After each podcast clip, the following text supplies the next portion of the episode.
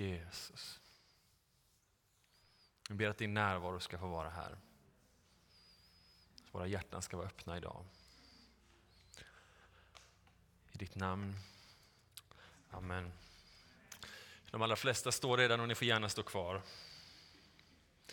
Det, det, när jag tar den här serien själv med Uppenbarelseboken så tar det ju helt klart längre tid än om vi hade delat på den.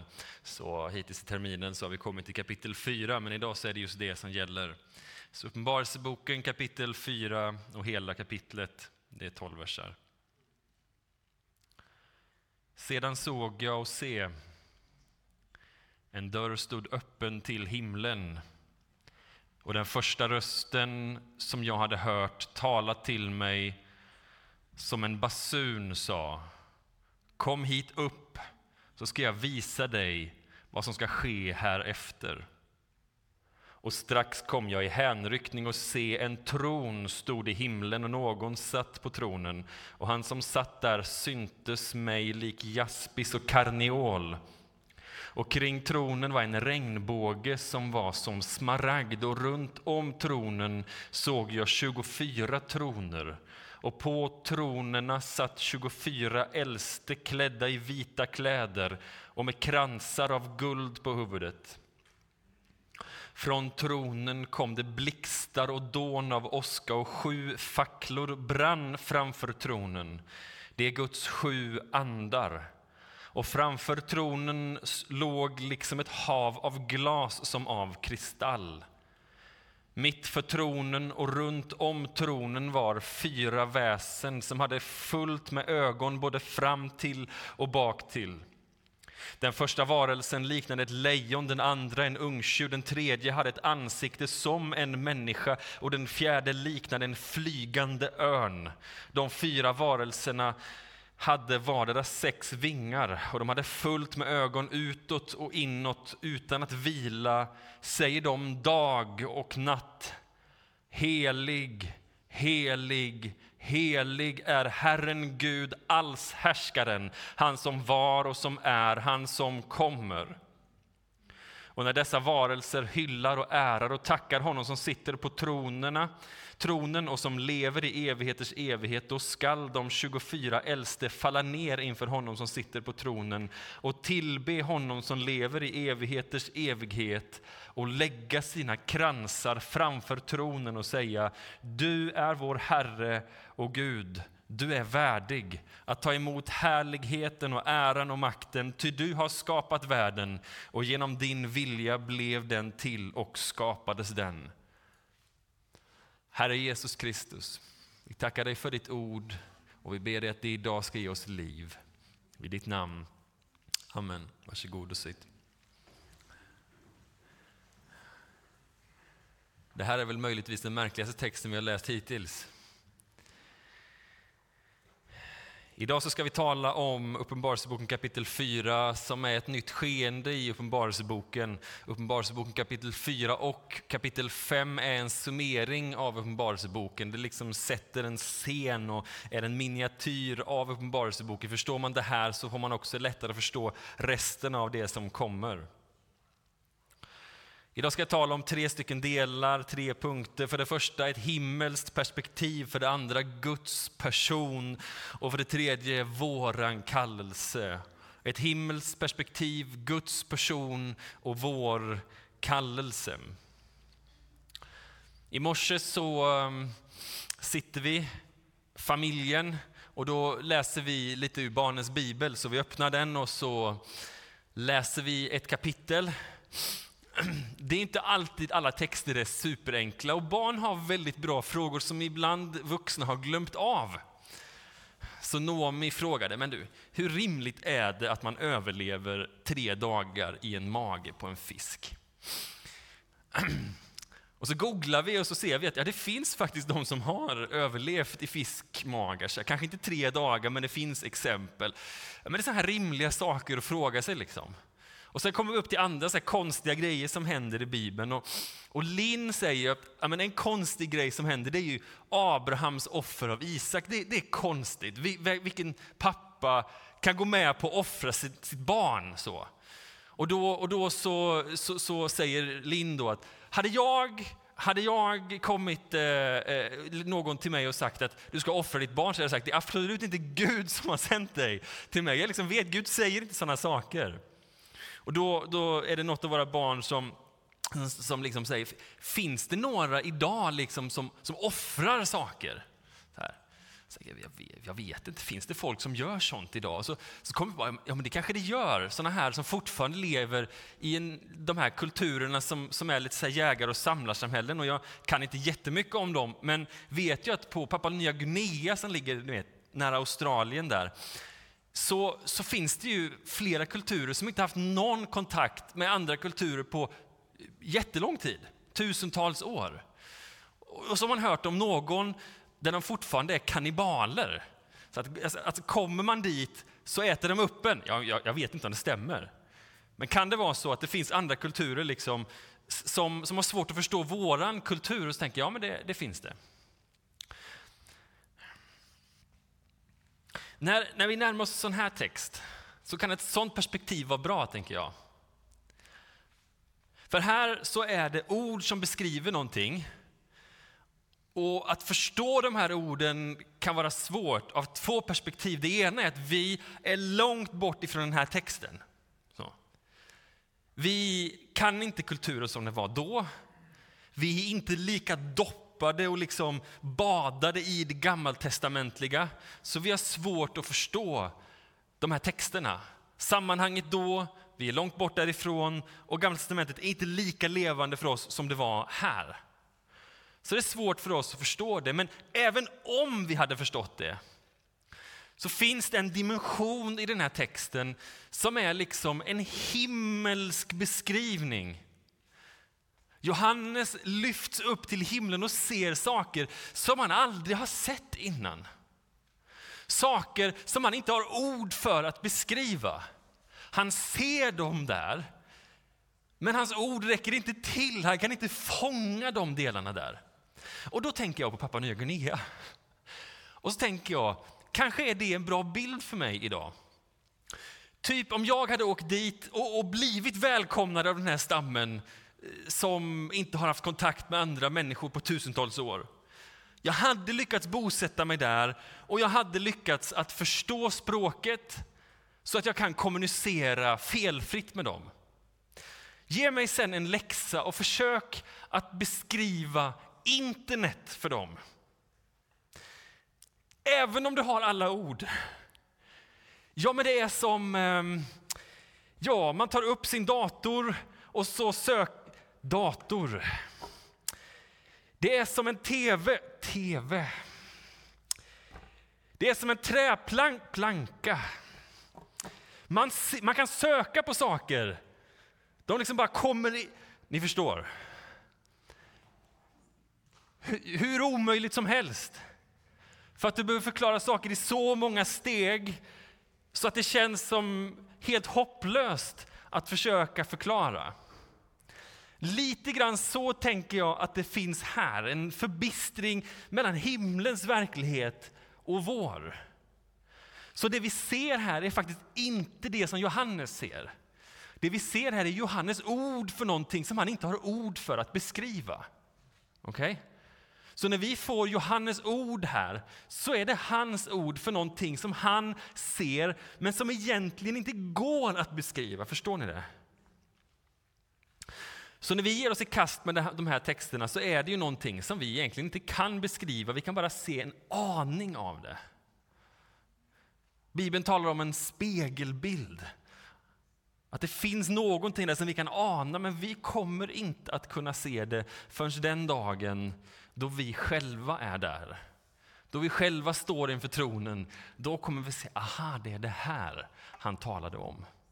Men nu så kan vi först bara försöka se delar av det här. Jag ska försöka ta mig igenom vissa delar som jag eh, ska förklara vad jag tror att de här delarna är. Det här är inte bara gissningar från mig, utan jag har tagit hjälp av vissa andras gissningar också. För det första så står det och sedan hände någonting. I vår tradition så tänker vi att sedan är väldigt långt fram. Att det här är någonting som kommer att hända i framtiden. Sedan så hände detta och så rycktes jag upp. Att det här skulle handla om ett uppryckande av hela församlingen. Och här så är det kanske lättare än man tror att det är. Sedan betyder bara sen i texten. Alltså det som hände sen i kapitel 4 var det som hände efter kapitel 2 och 3. Johannes vision fortsätter. Han har sett saker i kapitel 1. Han fortsätter se kapitel, äh, saker i kapitel 4 och det här är det som sen händer. En fortsättning av detta. Han kom i hänryckning. Och då påminns vi av den hänryckning, den vision som man fick i kapitel 1. Då står det, jag var på Herrens dag inför Gud och kom i hänryckning. Det troliga är att Gud väljer att tala till honom just på söndagar. Att än en gång så hade det blivit söndag. Han var inför Gud. Han var tillsammans med andra eller själv, men han bestämde sig för att helga den här stunden åt Gud, för att det var Herrens dag. Det var som att gränsen mellan himlen och jorden var extra liten då, och då kommer han i hänryckning och Gud uppenbarar saker för honom. Det här talar om för oss, inte bara att Gud kan uppenbara saker, utan också vikten faktiskt av att mötas just på Herrens dag att högtidlighålla den och att inte kompromissa med den. Sen minns vi kanske Paulus som säger att jag rycktes upp till den tredje himlen. Om det var i kroppen eller utanför kroppen, det vet jag inte. Herren vet det. Rycktes Johannes upp? Gjorde han det inte? Vi har ingen aning. Men en sak är säker, han själv trodde att han var på den här platsen. Han rycktes upp till tredje himlen. Vad då tredje himlen? Vad är detta för någonting? Den judiska världen tänkte olika saker om himlar och det fanns de som sa att det finns 13 himlar. Det är de som sa att det finns sju himlar. Ni har kanske hört uttrycket den sjunde himlen. Det är också ett sånt här uttryck som kommer ifrån den judiska världsbilden. Men kanske vanligast är att man talar om tre stycken himlar. Och då är den första himlen, det är den himlen som är här, det är atmosfären. Det som är luften som vi andas, det är det som vi ser här. Detta är den första himlen. All luft som finns inom atmosfären, den första himlen. Den andra himlen det är universum, det är kosmos, det är där stjärnorna, månen, solen finns. Det är den andra himlen. Och den tredje himlen, det är den plats där Gud finns.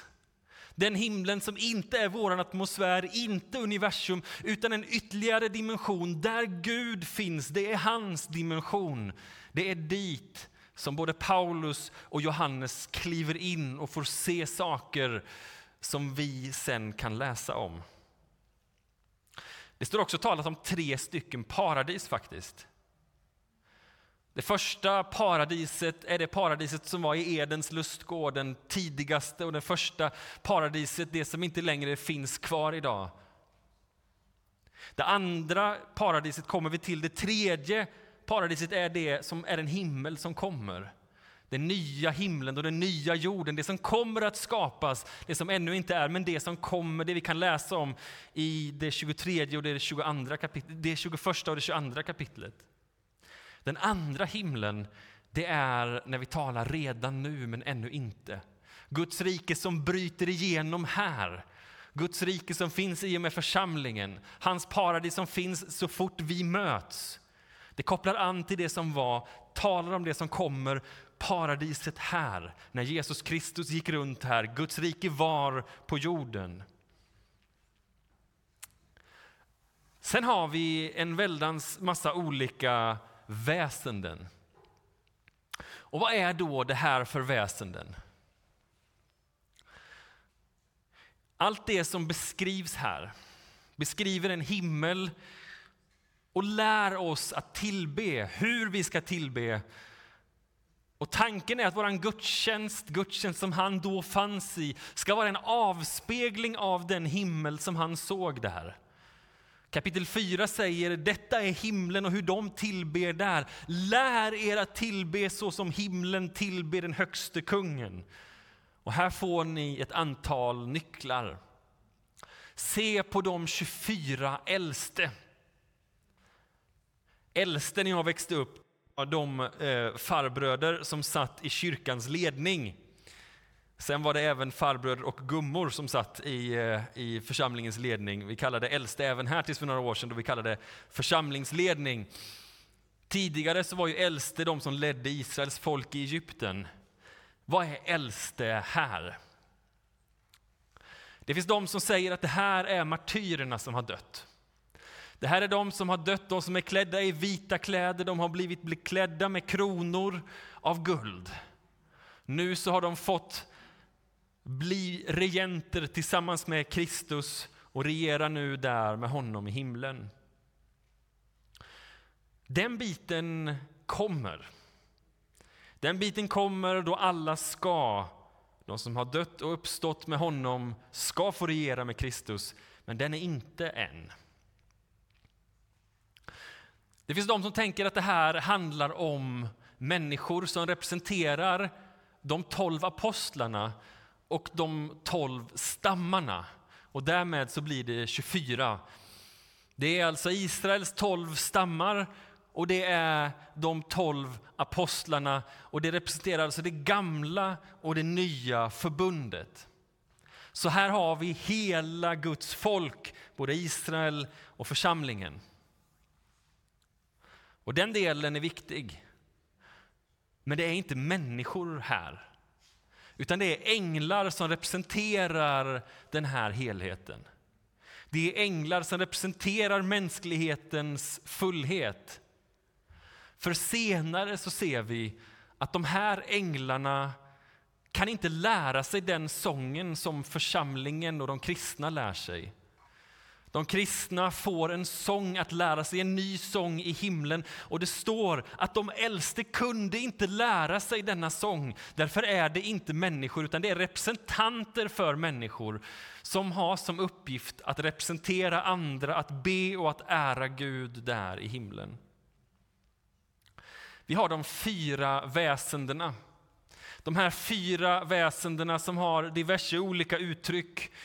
Den ena ser ut som ett lejon, den andra ser ut som en oxe, den tredje har ett ansikte som liknar en människa och den fjärde är som en örn.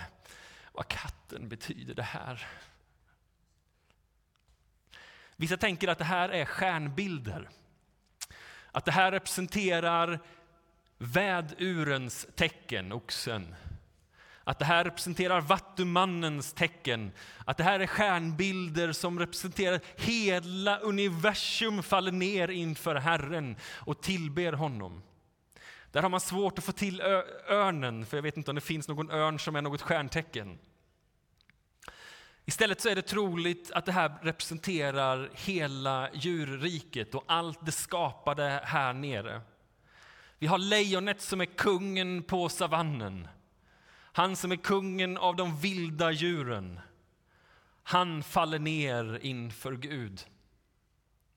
Vi har oxen som är kungen över eh, de tama djuren. Även han faller ner och tillber konungen.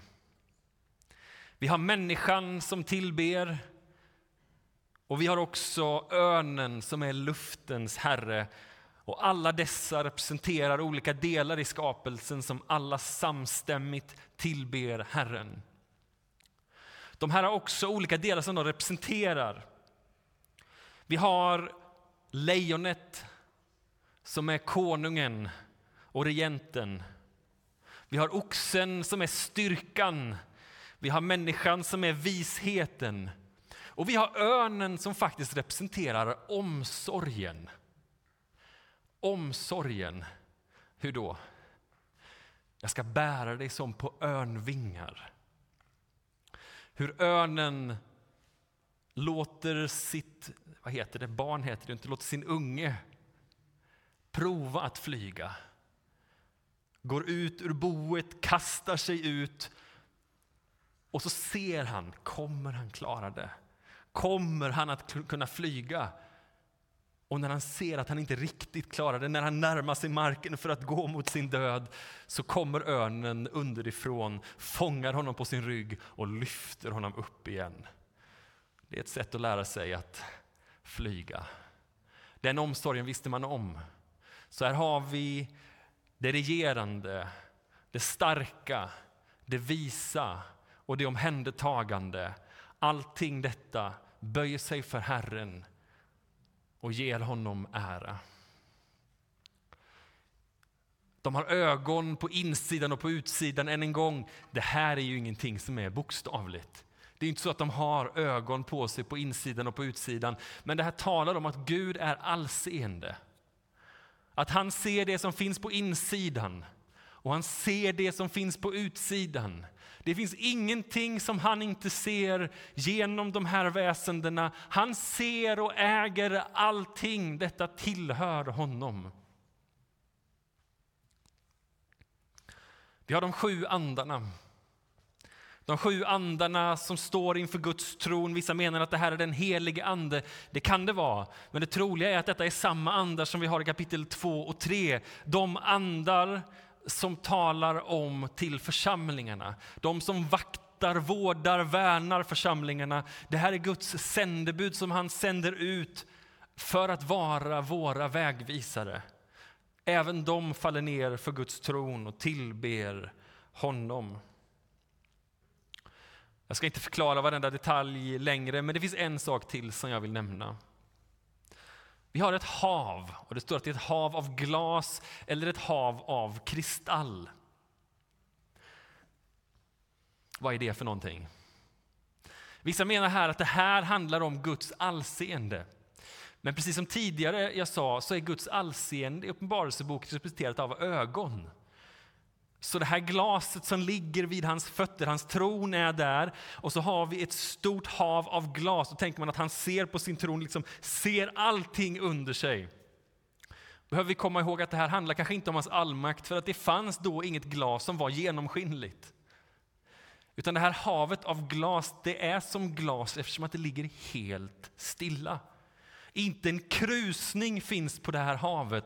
Ett blankt, klarblankt hav. Han kommer där, Johannes, och han står på andra sidan och han ser Gud och det finns ett stort blankt hav framför honom. Vad är detta för någonting?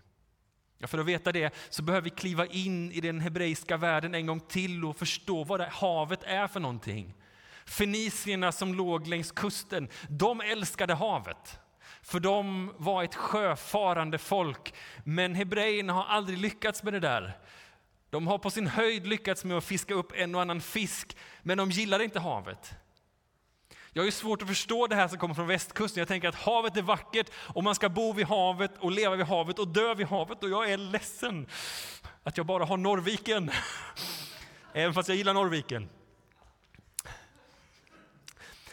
Men det här är någonting som inte var levande för hebreerna. För dem så var det farligaste som fanns havet.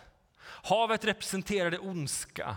Havet representerade lömskhet och list. Havet, det var det onda personifierat. Och vi har de här bilderna när vi går tillbaka.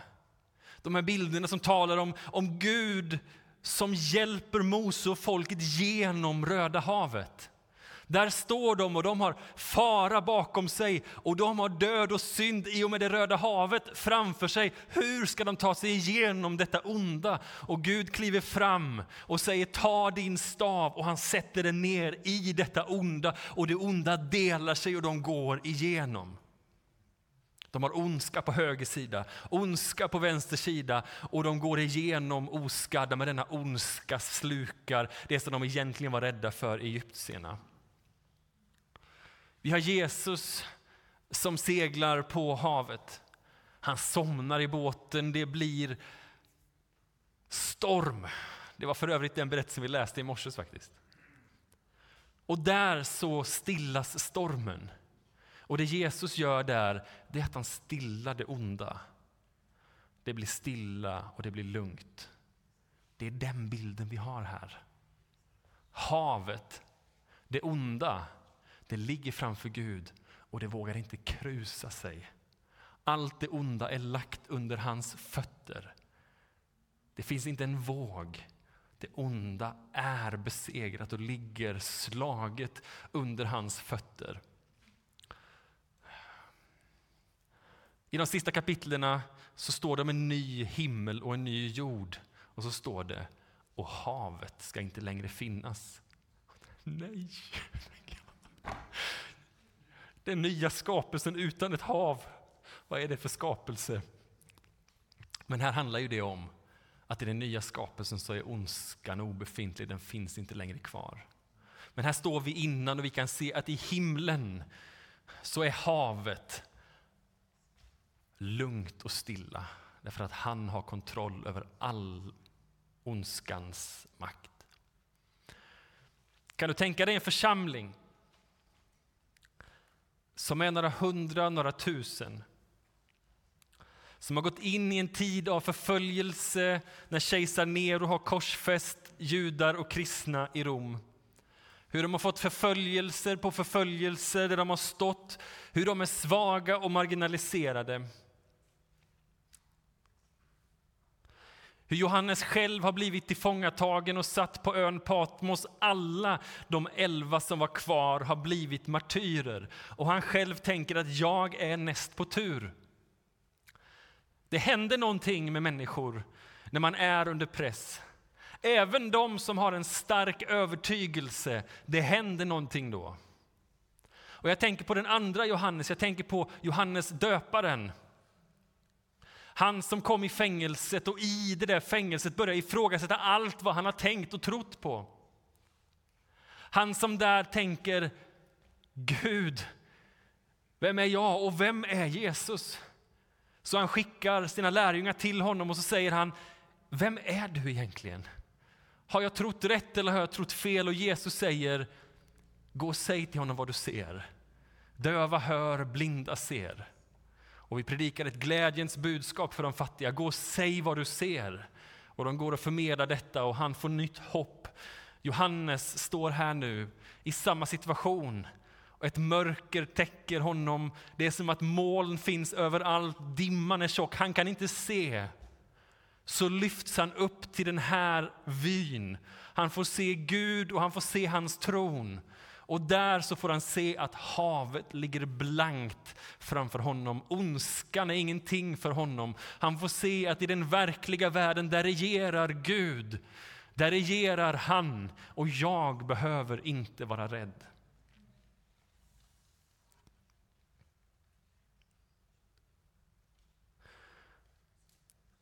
Gud beskrivs här på ett sätt som man bara beskrivs en gång tidigare i hela Bibeln. Och de ropade till varandra Helig, helig, helig är Herren Sebahot. Helig betyder avskild, helig betyder upphöjd, helig betyder ren. Men detta är också bara ett skimmer också bara ett, en, någonting att närma sig detta, för heligheten är närmast som ett adjektiv på Gud själv. Det är som att säga detta är Gud, detta är Gud, detta är Gud. Inget annat ord används om Gud tre gånger. Så som man beskrev någonting i den kulturen så använde man samma ord en gång om det var viktigt, två gånger om det var superviktigt. Om en sten var en sten så var det en sten, om en sten var en stor sten så var det en stensten. Ingenting annat används tre gånger än helig, helig, helig. Det här är så maximerat det kan bli och det är hämtat ifrån Jesaja kapitel 6 och 1. Det år då kung Usia dog såg jag Herren. Han satt på en hög och upphöjd tron och hans mantelsläp fyllde templet. Serafer stod ovanför honom, var och en med sex vingar. Ni känner igen texten, det är samma text. Med två vingar skylde de ansiktet, med två skylde de kroppen och med två flög de och de ropade till varandra. Helig, helig, helig är Herren Sebaot. Hela jorden är full av hans härlighet. Ropen kom trösklarna att skaka i sina fästen och templet fylldes av rök och jag sa ve mig, jag är förlorad. Jag har orena läppar och jag bor bland ett folk med orena läppar och mina ögon har sett konungen, Herren, Sebahot och en av seraferna flög fram och renade honom med ett kol så att han blev ren och så sträckte han ut sina händer och sa Herre, här är jag, sänd mig. Det här är en av texterna som Johannes har hämtat inspiration ifrån när han har skrivit denna text. Helig är han. Vi kan aldrig förstå ordet helig, men vi kan söka närma oss Gud. Vi kan söka närma oss honom på olika sätt.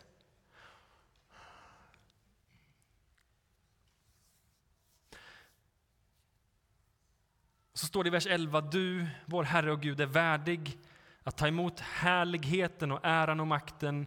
Ty du har skapat världen, genom din vilja blev den till och du skapade den.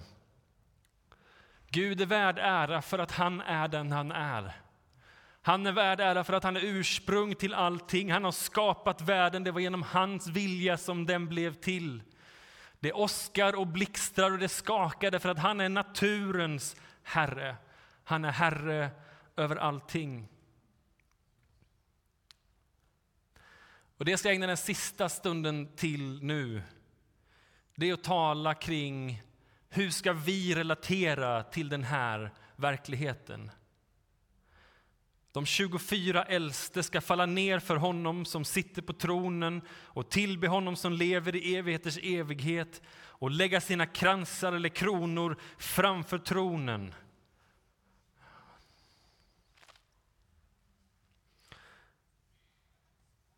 Bibeln säger var ni heliga så som han är helig.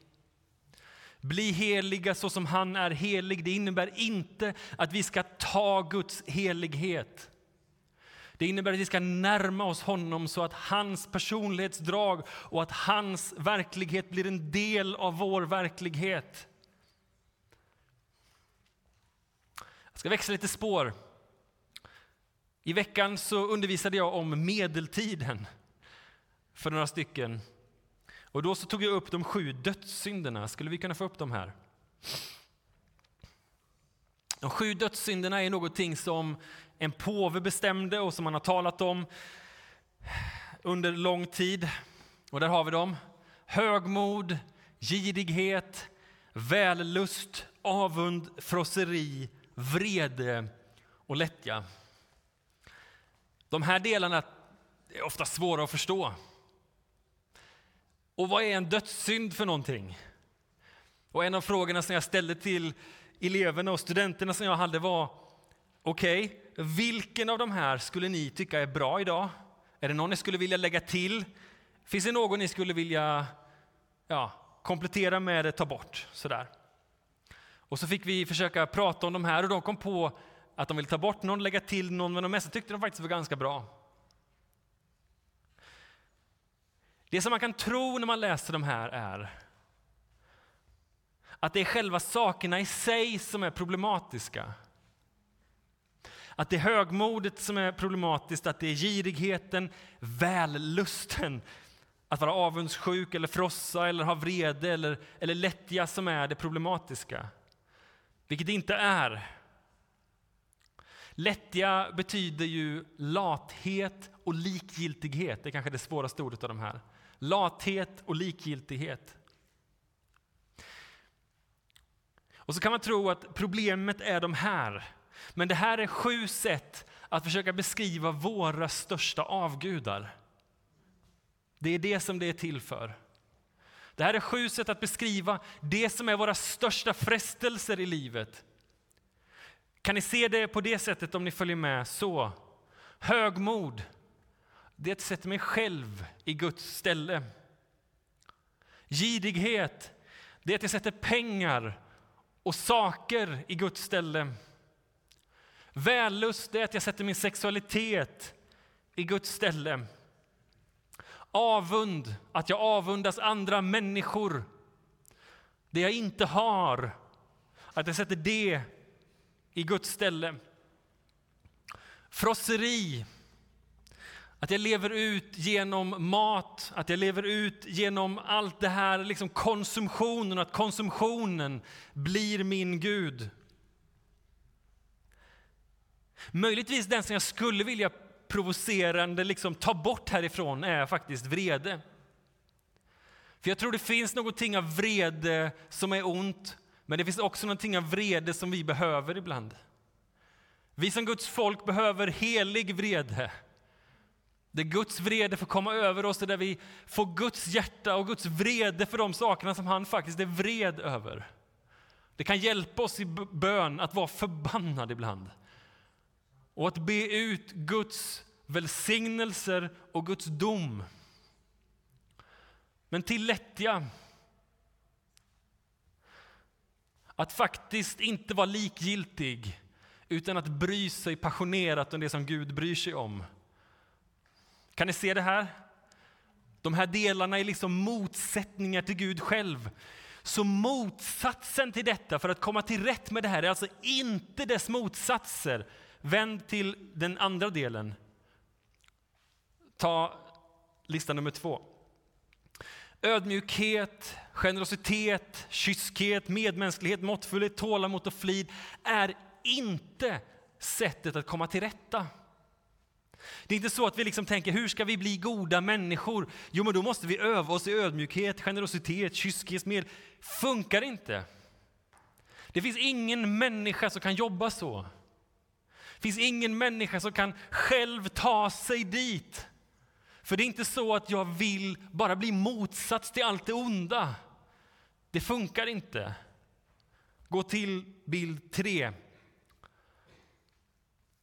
Och då tar vi fyra istället då. Där, precis. Utan enda sättet för oss att nå det goda, det är att söka Gud själv. Att söka honom. Att öva oss i tro, att öva oss i hopp, att öva oss i kärlek. Att böja oss ner för Guds tron och hans helighet och säga Gud, du är värdig allting. Att öva sig i tro, hopp och kärlek och att be Guds ande uppfylla oss till varendaste fiber i vår kropp. Så att vi får bli fyllda av hans gåvor och hans frukter.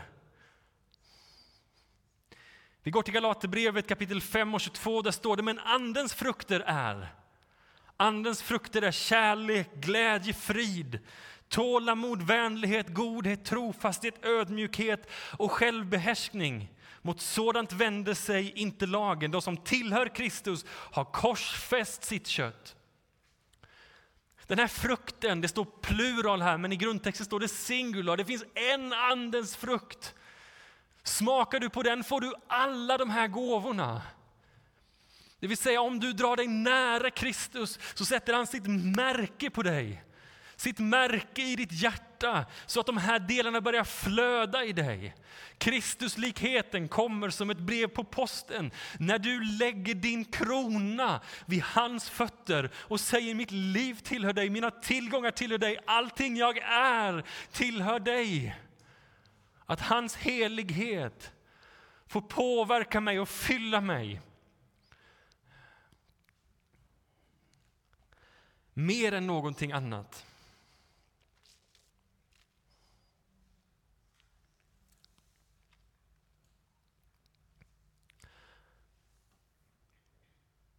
Det här är vad gudstjänsten handlar om. För det första att fästa sin blick på Guds tron att se vem han är. Att se att hela skapelsen och hela universum faller ner för honom. Att du inte har rätt till ditt eget liv, för det är han som har skapat dig. Och eftersom att han har skapat dig så är din reaktion, det borde vara att du faller ner vid hans fötter, precis som de 24 äldste har lärt dig att göra, precis som de fyra väsendena och hela kosmos gör, så bör vi göra på samma sätt. Gudstjänsten lär oss att fästa blicken på Jesus Kristus, han som är trons upphovsman och fullkomnare. Vi finns idag i ett läge som jag tror att vår kultur inte har funnits i på typ hundra år. Vi tänker idag att det går sämre och sämre. Det är miljökatastrof, det är skjutningar runt omkring. Det är mer krig i världen än det varit på länge. Det är inflation som går upp, räntorna går upp, vi ser att löner, reallönerna minskar. Hur ska vi kunna se en ljus framtid i det här? Tonåringar som växer upp nu tror att det kommer bli sämre när de växte upp än deras föräldrar hade det när de växte upp. Det här är ett trendbrott, vi har inte tidigare sett detta. Men vi som församling får aldrig falla in i det, att vi tror att det bästa ligger bakom oss. Vi ska stå bergfast på klippan Kristus och säga det bästa ligger framför oss. Därför att Gud har tiden och makten och äran och härligheten i sin hand. Han har lagt vattnet blankt framför sig och en gång kommer det att försvinna. Och vi välkomnas upp till hans tron för att se hans verklighet. Och när vi ser det så kan vi se med hans ögon på världen. Och även fast det ser illa ut just nu så regerar han Även fast det är molnigt just nu och vi tror att vi snart går på grund där framför så vill han skingra det som finns framför dig och mig så att han kan säga jag har dig i min hand. Jag ska stilla din storm. Det finns ingenting du behöver vara rädd för. Han säger Jesu ord till dig en gång till. Var inte rädd. Du lilla skara. Du förföljda församling, du betryckta människa, du som känner att det inte finns något hopp, var inte rädd. Därför jag har all makt i himlen och på jorden. Jag är början och jag är slutet och du finns där i mitten och jag håller dig i min hand. Var inte rädd. Detta är evangelium som vi ska bära i våra liv och i våra hjärtan. Lev med det och förkunna det i all hopplöshet som du möter. Om du möter en tonåring som inte tror på framtiden, säg Gud har all makt i himlen och på jorden, var inte rädd. Om du möter någon politiker eller domedagsprofet på Facebook eller vad det än är som säger det kommer bli sämre framåt än det var där bakåt, så säger vi var inte rädd. Därför Gud har allting i sin hand. Det är budskapet idag. Hans helighet regerar universum. Vi lägger vår krona för honom, får hans perspektiv. Var inte rädd. Herre Jesus Kristus, vi ber dig att vi ska få ryckas upp till din himmel och din härlighet. Att vi ska få se vem du är. Att du ska rena våra hjärtan, att du ska tvätta våra ögon, att vi ska få se dig så som du är. När samhället runt omkring oss vill oss illa, eller när vi tror att det inte finns bättre framtid än det vi har just nu. Låt inte evangelium förkunnas i våra liv så att vi kan se med dina ögon runt omkring där vi finns. Herre, låt oss få bli till en förkunnelse. Låt oss leva ut din himmel där vi är.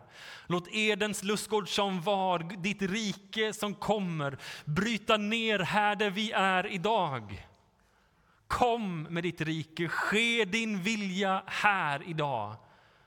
Och om det finns någon här idag som känner att man har lurats av lögnen, att det kommer bli sämre framåt än det är just nu, så ber jag att du ska tala ut trygghet, välsignelser i deras liv. I Jesu namn. Amen.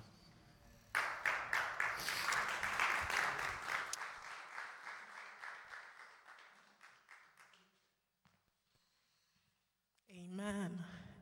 Vi kommer sjunga ett låt på engelska, Holy Forever.